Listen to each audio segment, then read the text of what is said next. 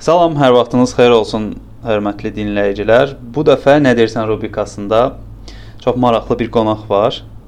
Mən düşünürəm maraqlıdır. Bəlkə də çoxunuz tanıyırsınız. Hə, Ayşən xanım, tanıyırlar sizi sizcə? Podkastda tanındığımı düşünmürəm. Bəlkə Instagramdan tanıyırlar. Ayşən Qurbanova ə, şey gedir də profil English with Qurbanova.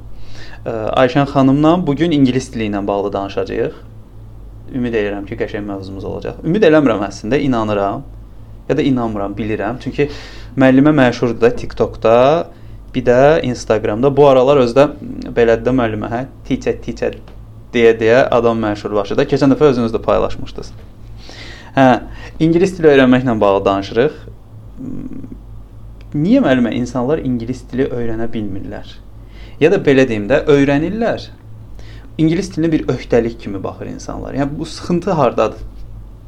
Bəzi insanlar bizim ölkəmizdə əsasən də ingilis dili bunlar üçün nəyə görə lazımdır bilmirlər. Nə üçün ingilis dilinə ehtiyac var? Bəzən gəlirlər müəllim, mənə iş yerindən tapşırıblar ki, bir neçə ay ərzində ingilis dili öyrən mütləq öyrən amma, çünki sənin işinə görə lazımdır. Halbuki işinin ingilislə heç bir əlaqəsi yoxdur. Bəzən tələbə gəlir imtahana görə öyrənmək istəyir. Bəzən ölkədən getmək istəyən tələbələr intervyu üçün öyrənmək istəyir. Hər kəsin bir səbəbi var, amma əslində dilə maraq yoxdur, motivasiya yoxdur. Sadəcə məcburiyyətdir. Məcburiyyətə görə gəlir. Məcburiyyət insana nəyisə elətdirməyə vadar eləyir. Ona görə o da effektiv alınmır, hə? Bəli, məcburiyyətə görə gələndə motivasiyası olmadığı üçün, dil də sevmədiyi üçün heç nə öyrənə bilmir. Sadəcə ona iş kimi baxır. Dərsin müddəti bitsin, mən gedim. Hə, o dərsin müddəti bitir və mən gedim. Məsəl üçün neçə tələbədən neçəsi zövq alaraq öyrənir, digərləri məcburi olaraq?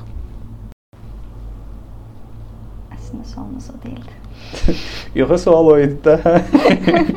Deməli, ə, biraz podkastı belə dayandırdım. Sonra dedim ki, ə, də məndə stol belə cırcır eləyirdi. Səs də ora düşür deyə insanlar qulaq asanda narahat olur. Deyirəm ki, Ayşən xanım hardaydı?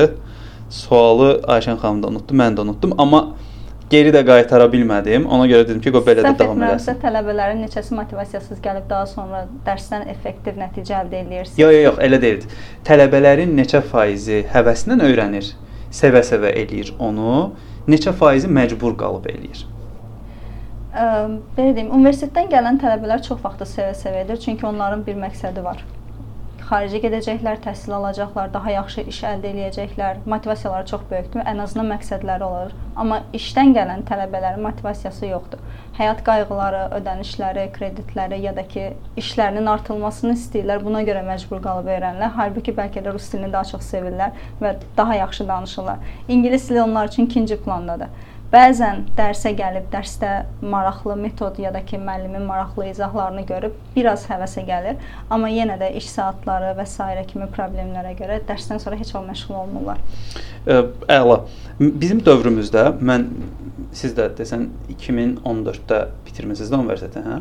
2018-də. 2018. Mən 2014-də bitirmişəm universiteti. Bizim dövrümüzdə ingilis dili hələ yavaş-yavaş sürətlə artırdı. Deyirəm yavaş-yavaş sürətlə artırdı yavaş-yavaş surətlənməyə başlayırdı. Dövrümüzdə nə dəbdə idi? İndi o qədər də deyil, amma yenə də var. Məsəl üçün məsələn də deyək ki, intermediate səviyyəsində ingilis dilini bilirik. Biz danışanda 1-2 ingilis sözlərindən istifadə edirdik. Məsələn, danışanda çox zaman deyirdik ki, hmm, you know, belə eləyirdik, sonra Azərbaycanca danışırdıq. Əslində davam eləmirik ingilis dilində. Sadəcə özümüzü göstərirdik ki, bu bir ingilis dili. Yəni mən bilirəm də belə indi də o şeylər var və buna görə ingilis dilini öyrənmək istəyənlər var, hansı ki, show tipində da danışsınlar və göstərsinlər ki, biz həqiqətən də ingilis dilini bilirik. Və bu şəkildə öyrənən və bunu öyrənmək istəyən, ora gələn, bu düşüncədə olan adamlar varmı yenə? Bəzən getdiyim yerlərdə elə insanlar olur ki, ingilis dil müəllimi olduğumu biləndə sizin dediyiniz formada you know, look, I see, I got ya da bəzən mənim etdiyim formada sözü unuduram, ingiliscə deyirəm, Azərbaycancasını gözləyirəm ki, kimsə tərcümə etsin. Eyni şey etməyə çalışırlar, imitasiya edirlər. Amma danışdıranda mən sırf o onu dedi deyə ingiliscə danışmağa başlayıram. Ardı gəlmir, deyə bilmir, bilmir çünki, bilmir çünki danışa bilməyəcək. Bilir bəlkə də, amma ə, intermediate səviyyəsində danışa bilməyəcək. Mən bir şirkət var, reklam şirkəti. Onlar mənə reklam təklif etmişdilər. Xanımla danışıram, deyir ki, siz bizə məlumatlar məlumatları ötürün biz klienta deməliyik. Mən də elə bilirəm klient da kiminsə adıdır. Dayanmadan klient deyir. Deyirəm ki, o klienta deyə bilərsiniz, zəhmət olmasa biraz 1-2 gün gözləsin. Deyir ki, yox, deyə bilmərik. Deyirəm ki, xanım, klient kimdir? Deyir müştəri. Deyirəm bu ingilis dilindən olan müştəri sözüdür. Deyir, hə. Deyirəm, okey, o zaman Azərbaycanca niyə demirsiniz ki? Yo biz öyrəşmişik belə. O tipdədir belə. Bir elə bil ə, öyrənmək insanı bir var nəyisə həyat tərzinə çevirmək. Bir də var göstərmək, hə, kiməsə ki, mən bunu eləyirəm. Göstəriş öyrənməkdən yenə də ön plandadırmı sizcə? Elə deməzdim, çünki hazırda məsələn bir tələbəm var. Sizin dediyiniz formada danışır. Klient də deyir, vessel danışır, bir ə, gəmi kapitanı işləyir hal-hazırda, amma onun işlədiyi iş yerində hər kəs elə danışır. O qədər ingilis dilli bir mühitdir ki, yarı Azərbaycan, yarı ingilis dilində adamın həyat tərzinə çevrilib. Normal həyatında da o formada danışır. İngilis dili danışsaz o formada davam edəcək, Azərbaycanca danışsaz o formada davam edəcək. Amma bu göstəriş üçün deyil. Hətta adam ə, çox yaxşı danışmağına və ya dil yaxşı bilməyinə baxmayaraq daha aşağı səviyyədən yenə başlamaq istəyir ki, incəliklərini öyrənsin, daha mükəmməl yazsın. Özündəki səhvləri, qüsurları görür. Deyir, müəllim, mən yazarkən hiss edirəm ki, daha əziyyət çəkirəm, amma danışarkən daha rahatdır. Mənə bunu öyrədin. Yəni bu tələbə ilə işləmək və ə, o tələbəni anlamaq məncə daha asandır. Bilirsiniz ki, şou üzrə danışmaq. Ə, İngilis dilini bilməyən amma ingilis dilində dərs deyən müəllimlər var universitetlərdə. Ə, ingilis dili üzrə belə deyim, təhsil almamış, amma ingilis dilində dərs deyən müəllimlər var, kursda işləyən müəllimlər var. Bəs universitetdə bunun tədrisini edib özünün normal məsələn speaking, listening olmayan müəllimlər var? Hazırda mənim işlədiyim universitetdə yoxdur. Mən başqa universitetlərdə bilmirəm. Bir neçə dəfə qarşılaşmışam bununla bağlı. O bir video yayılmışdı. Go to the petty shop müəllim, elə deyirdi. Tərcüməsi ləhcəli. Hə, orta məktəb müəllimi idi də o. Bizim orta məktəb müəllimimiz də elə idi. Məsələn, bizə öyrədirdi ingilis dili, ədəbiyyat, Azərbaycan dili, bəzən tarix də keçirdi bizə. Bax o da elə danışırdı. Amma bu göstərişlə bağlı məndə də olmuşdu. Xaricdən gəlmişdim. Amerikadan ilk dəfə gələndə marketə girmişəm, xiyar almalıyam. Qıza deyirəm ki, zəhmət olmasa mənə 1 kilo cucumber verə bilərsiniz? Qız da belə baxır. Yəqin o bayaqki qız mən onun haqqında düşünmüşəm, o da mənim haqqımda elə düşünür. Göstəriş üçün demişdi. Yox, tapa bilmirəm xiyar ha. sözünü beynimdə. O qədər beynimə ilişib o, vərdiş eləmişəm də artıq mən ona. Eynisi mənim başıma gəlib bir Olub? dəfə. Hı. Mən Fransadan qayıdanda e, evdə təsadüfən oturmuşam təkəm, işıqlar söndü. Mən qapını açıb sadəcə soruşmaq istəyirəm ki, burada kim var? Kimsə varsa ən azından mənə məlumat versin. Bəlkə də ə, e, həll edə biləcəyim bir məsələdir. Kim var sualını mən Azərbaycanca vermədiyimin fərqində deyiləm. Mən ingiliscə danışıram, heç kim mənə cavab vermir, amma mən ingiliscə danışdığımın fərqində deyiləm. Və təkrar-təkrar edirsiniz ki, mənə niyə cavab vermirsən? Bəli, səsimi yüksəldərək danışıram ki, mənə niyə cavab vermirlər, kim var? Hə, ə, bəs müəllimə, özəlliyiniz nədir ki, sizin sosial mediada belə artırsınız yavaş-yavaş, xüsusilə Instagramda? Fake deyil də onlar hamısı real adamlardır. Yox, fake deyil. Fake olsa yəqin ki, keşfətdə olmarıq. Tamam. İndi fake deyirəm, cəmaət dinləyəcək deyəcək ki, özdə özləri də başladı cool danışmağa. Amma mən fake sözündən xoşum gəlir. Hə, nəysə. Saxta da, saxta deyil yəni. Necə olur ki, nə özəlliyiniz var ki, siz seçilirsiniz digərlərindən və siz daha çox izləməyə başlayırlar? Mən özümü çox şanslı hesab edirəm, çünki ingilis dili 1-ci sinifdən bəri mənim həyatımda var. Həmişə də fərdi müəllimlərlə hazırlaşmışam Və mənim ə, e, dərs öyrəndiyim, ingilis dilini sevərək öyrəndiyim müəllimim British School-da işləyirdi. Müəllimin də adi bir metodu yox idi. Bizim köhnə müəllimlərdən fərqli olaraq mənim hal-hazırda keçdiyim metodla mənə dərs keçirdi. Daha çox danışdırırdı, evə zəng edirdi, ingiliscə danışırdı, mesaj yazırdı, səs atırdı. Eyni səsləri mən məktəbə aparıb məktəbdə uşaqlara dinlədirdim ingilis dili dərslərində. İngilis dili müəllimi əsəbləşib məsələn onu bağlayırdı. Çünki özü başa düşmürdü orada nə danışılır listeninglərdə. Mən onu qulaq asıb tərcümə edib gələn dəfə danışmalı idim müəllimə. Mənim ev tapşırığım idi və onu aparırdım 20 neçə nəfərin e, içərisində sinifdə qulaq asaq, çünki ingilis dili dərsləri bir müddət sonra məktəbdə keçirilmirdi. Ən azından mənim dövrümdə. Müəllim əsəbləşirdi. Müəllimdən bəzən soruşurdum, bunu tuta bilmirəm, bəs burada nə deyir, siz mənə deyə bilərsiniz. Olur da bəzən cheating eləmək istəyirsiniz müəllimin özü də anlamırdı ki, mənə tərcümə etsin, amma mən bunun fərqində deyildim. Sadəcə elə bildim onun dərsini pozduğum üçün məndən razı deyil. Anladım. Ə, yəni bunları tətbiq edirsiniz deyə bu qədər fərqləndirir sizi? Mənə görə mənə o formada dərs keçirdiyi üçün, bir də müşahidə etdiyim üçün məktəbdəki dərs metodunu, sonra universitetdəki müəllimləri, universitetdə də şanslıyam çünki həqiqətən çox dəyərli professorlar dərs demişdi bizə və metodları tamamilə fərqli idi. Daha sonra xaricə gedib gördükdən sonra ki, oradakı müəllimlər necə dərs keçirlər, hamısını bir yerə yığıb hər tələbəyə fərdi yanaşmağa başladım. Kim necə sevər dili, kim hansı məqsədlə öyrənər. Biri çox zarafatçıl olur, onun dərsində çox aktiv olursunuz. Biri biraz ciddi tələbə olur, ona tamamilə başqa cür yanaşırsınız. Biri birinin həqiqətən sosiofobiyası var və qrup dərsi qətiyyən istəmir. O tələbələri məsələn motivasiya edərək 1-2 ay sonra qrup dərsinə salmışam. Mənə xoşdur bilmirəm, o tələbələr üçün də məncə eyni ilə deyə bilərəm ki, onlar üçün də xoşdur. Həm əylənirlər, həm öyrənirlər. Həmişə bunu deyirəm. Bəs işinizdən zövq alırsınız? Əlbəttə. Yorulmursunuz? Normalda da yorulan biri deyiləm. Bu necə baş verir axı? Məsələn, gün ərzində neçə saat işləyirsiniz? Ə, səhv etmirəmsə gün ərzində 12 ya da 14 saat. Yormur sizi? Yorulduğumu hiss etmirəm. Çünki dərsə dərs kimi yanaşmıram. Ha, Dərsdə ingilis dilində danışır danışırsa bir tələbə zövq alıram. Onunla bərabər oturub hər şeylə söhbət edir. Yəni gəl mənim burada bir sualım var, sən bu suala cavab ver formasında deyil. Məsələn, bir kitabım var. Hər kəs deyir, Ayşə müəllimənin bir kitabı var. İçində elə suallar var ki, istəməsəz də həyatınız haqqında hər şeyi bilir. Kitab bitəndə mən tələbəni tam tanımış oluram və artıq ona başqa bir sual verəndə başqa bir kitabdan onun verəcəyi cavabı bilmiş oluram.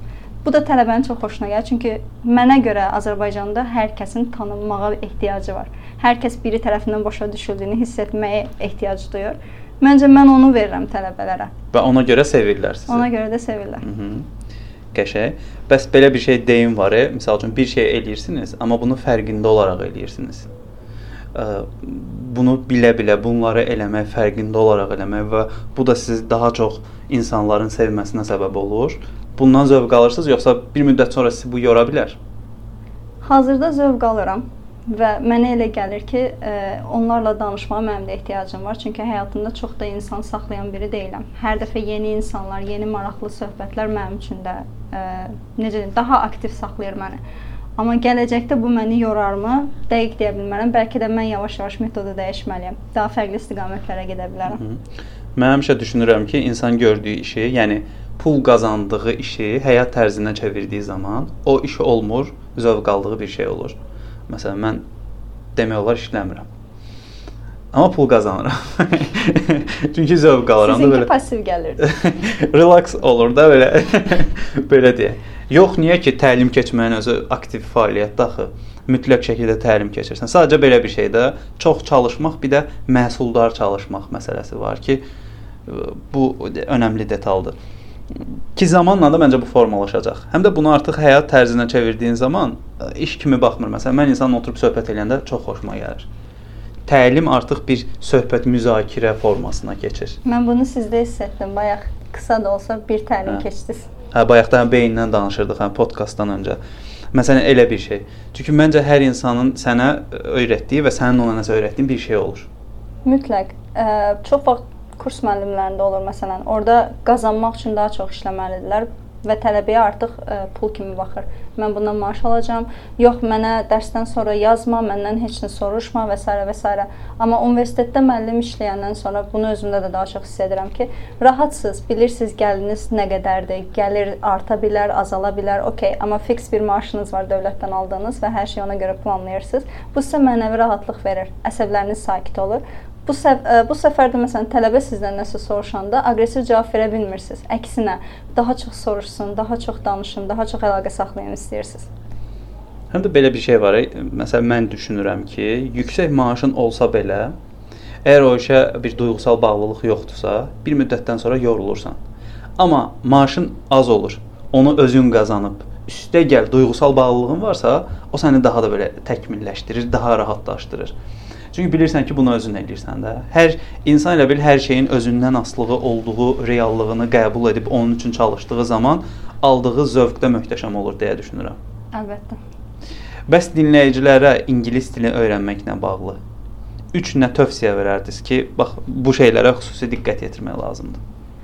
Yanıma gələn tələbələrdən misal verə bilərəm. Deyir müəllim, mənə qrammatika keçmə, mənə danışıq öyrət. Ə, əslində deməyə çalışdığım bir şey var ki, bu mümkün deyil. Çünki qrammatikanı ən azından biraz da olsa bilməlisiniz, bir başlanğıcını bilməlisiniz ki, hansı hansı situasiyada işlənirsə mən danışıqda bunu istifadə edim. Məsələn, qrammatika demişkən, ə, qəbul imtahanında səhv yazmışdım. Ömür boyu onu səhv bilmişəm.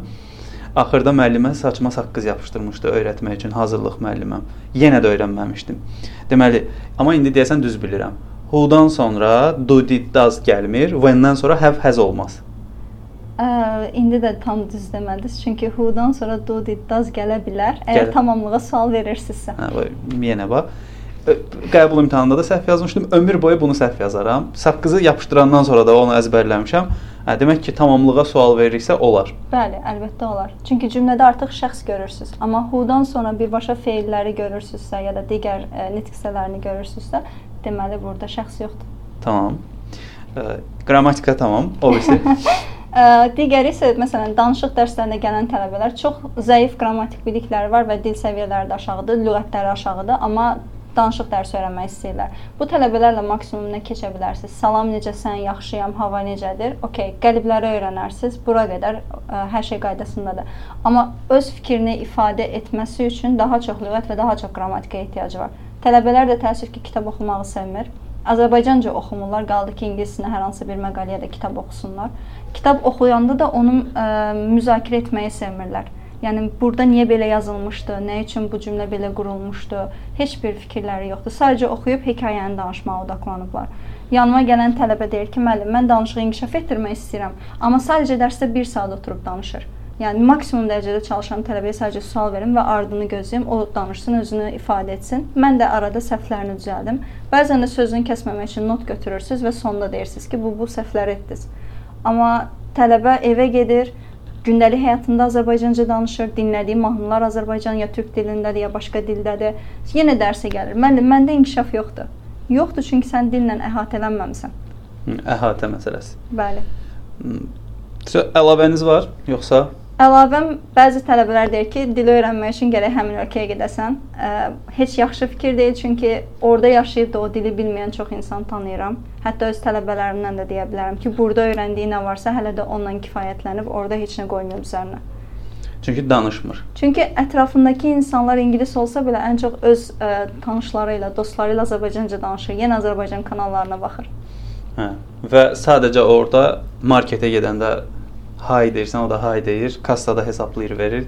Bəli. Thank you deyirsən, bitdi, getdi. Eynən. İşlədiyi mühitdə hər şey əladır. Hər şey yaxşı danışır, amma başqa bir mühitə salanda, başqa bir problem haqqında danışanda görür ki, artıq danışa bilmir, çünki ona lüğəti çatmır. O mövzunu heç vaxt özündə ə, təcrübə etməyib. Özünü o situasiyaya salıb mənə bunu desəydilər mən ona nə cavab verə bilərdim deyə sual verməyibdi. Aydındır. Bəs son sualım, ingilis dilini ə, surətli şəkildə öyrənmək mümkündür, yoxsa bu dil surətli öyrənilən bir şey deyil? Ə, bir şey qeyd edim ki, 3 ay ingilis dili öyrənmək mümkün deyil. Bunun reklamını çox görürəm. Gəlin 3 ay ingiliscə danışacaqsınız deyirlər. Qəti şəkildə mümkün deyil. Məsələn, ola bilməz ki, şirkət reklam eləyir, cəlb eləyir, amma orada bir məsələ var da, intermediate-dən yuxarısınızsa 3 aya öyrənə bilərsiniz. Onu reklamda qeyd etmirlər. Intermediate-dən Çox yuxarısı iyi 3 aya öyrənə bilərsiniz. Ümumi deyirlər ki, 3 aya biz sizə ingilis dili öyrədirik, səviyyədən asılı olmayaraq. Bunu da hər kəs elə anlayır ki, mən A-nı, B-ni Azərbaycanca bilirəm, amma ingiliscə A, B deyildiyini bilmirəm. Mənə 3 aya ingiliscə öyrədəcək. Hmm. Belə bir şey mümkün deyil. Çünki vərdişdir. Siz necə ki yeriməyi belə aylar ərzində öyrənmisiniz. Necə ola bilər ki, bir dildə danışmağı və dinləməyi, anlamağı 2-3 ay ərzində vərdiş halına çevirəsiniz? Bu mümkün deyil. Çox qəribədir də, Azərbaycanda insanların şəxsi həyatına müdaxiləni çox gözəl vərdiş elətdirirlər. Amma insanın öz şəxsi həyatında nəyisə öyrənməsini vərdiş halına salması çətin olur. Yəqin ki, elədir. Bu bu mental o qəlib insanların nəsə öyrənməsinə də mane ola bilər deyə düşünürəm. Və Bu da özünü ingilis dilində göstərir. Böyük ehtimalla Və mən artıq düşünürəm ki, ingilis dili ə, rus dili necə idi Azərbaycanda?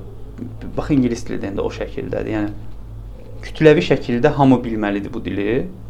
Ən azı dərdini baş izah eləyəcək dərəcədə bilməlidir ki, başım ağrıyır, qarnım ağrıyır. Yəni bir yerlərim ağrıyır da bunu ifadə eləyə bilsin ki, adam Google-da ən azı axtarış eləyəndə nəsə çıxsın qarşısına. 90-cı ildə doğulmuş biri olar, 90-cı illər məsələn, ə, olmuş insanlar bilirlər ki, rus dilli kanallar çox idi. Rus dilində kitablar çox idi, kinolar çox idi. Yəni hər tərəfdə rus var idi. İşə gedirdiniz, rus dili istəyir. Hətta bizim mən universitetdə oxuyarkən belə e, ingilis dilində oxumağıma baxmayaraq materialların çoxu rusca idi. Rusdan götürülmüş. İngilisi rusca öyrədirdilər və məcbur idiniz o dili bilməyə. İstəsəz də, istəməsəz də rusca nəsə eşidəndə bunu başa düşürsüz. Çünki çox dinləmisiniz. Bəlkə danışmamısınız, praktikanız yoxdur, amma tamamilə anlayırsınız. Ən azı bir Azərbaycanlı ömründə bir dəfə də olsun prosta sözünü deyib də. Yəni dilinizdə də var bəzi sözlər, ifadələr istifadəsi və rus, rus sözləri dilimizdə çoxdur bu arada, daha çox istifadə olunur. İndi də ingilis sözləri onun kimi. Amma ingiliscə ə, bir şey dinləmək istəyirlərsə, bir şeyə baxmaq istəyirlərsə, bu onların seçimidir. Rusça bizim seçimimiz değildi. Açanda elə rusça gör, ə, e, görürdük hər şeyi, amma ingiliscə elə deyil. Biz özümüz bunu dərk edib o kanalı biz açıb biz qulaq asmalıyıq. Demək ki, seçim etməyə öyrənmək məsələsi də var. Bununla bağlı da bir podkast eləyərəm. Edərsiz. Niyə biz niyə biz doğru qəşəng ideya gəldi. Niyə biz doğru seçim eləyə bilmirik? Mən düşünürəm ki, dediklərinizə qatılıram. Əlavə olaraq da insanın bir şey öyrənməsi müzakirə zamanı baş verir. Məcburiyyət və ya diktə zamanı yox. Bizim təhsil sistemimiz çox təəssüf ki, məcburiyyət və diktə üzərində qurulur. Məsələn, uşağa deyirlər ki, dərsi oxu, amma demirlər öyrən. Dərs oxumaqla öyrənmə arasında fərq var. Dərs oxumaq hal-hazırki vəziyyəti oxudum, bitdi, getdi. Necə ki, e, semestrin sonunda bir gün qalmış imtahana əzbərləyib suallara imtahan verirdin. Dərs odur. Öyrənmə isə davam edici prosesdir və heç zaman bitmir müzakirə zamanı insan nəsə öyrənir. Məsələn, adi bir söz beynimə ideya gəldi ki, seçim necə doğru seçim edə bilərik mövzusunda bir dənə podkast hazırlayım. Belə. Çox sağ olun. Öyrənməklə bağlı bir şey deyə bilərəm. Buyurun, buyurun. Ə, deyirsiniz ki, məsələn, insan ə, öyrənin demirlər, amma dərsini oxu deyirlər. Əslində müəllim öyrənin deməməlidir. O dərsi necə öyrənəcəyini izah etməlidir. Tələbə dərsi necə öyrənəcəyini bilmir okey, bu mənim dərsimdir, bunu ə, üzrə işləməliyəm və nəsə hazırlamalıyam. Amma yolunu göstərmirsinizsə, o tələbə onu əzbərləyib gələcək və sadəcə imtahandan keçmək üçün öyrənəcək. Məndə olan bütün tələbələrə, məsələn, danışıq dərsinə gəlib nəsə yolunda getmir. Görürəm ki, o öyrənə bilmir və bu ona sıxıntı yaradır, içinə qapanır, dərsdən zövq almamağa başlayır. Bu səfər başlayıram necə öyrənəcəyini öyrətməyə onu öyrətdikcə özüm də yeni şeylər kəşf edirəm. A, bunu dedim, bir anlıq bu ideya çıxdı ağzımdan. Əslində pis deyilmiş. Mən başqa tələbədə də istifadə edə bilərəm. Ya da bəzən belə olursunuz. Kaş digər tələbəyə də belə deyərdim. Onda daha rahat öyrənərdi. Yeni-yeni şeylər özünüz də bilmədən yeni şeylər kəşf edirsiniz, yeni metodlar kəşf edirsiniz. Amma qarşındakına nəyi necə öyrənəcəyini öyrətməsəz, zaten heç nə edə bilməyəcəksiniz. Çox sağ olun Ayşən xanım, təşəkkür edirəm gəldiyinizə görə. Mən təşəkkür edirəm, çox sağ olun. Suallarınız varmı, əlavələriniz, fikirləriniz? Hələ ki yoxdur, təşəkkür edirəm. Çox sağ olun. Dinlədiyinizə görə də minnətdarıq. Fikirləriniz, əlavələriniz olarsa mütləq bizə yazmağı unutmayın. Özünüzə yaxşı baxın. Növbəti podkastda görüşərik. Hələlik.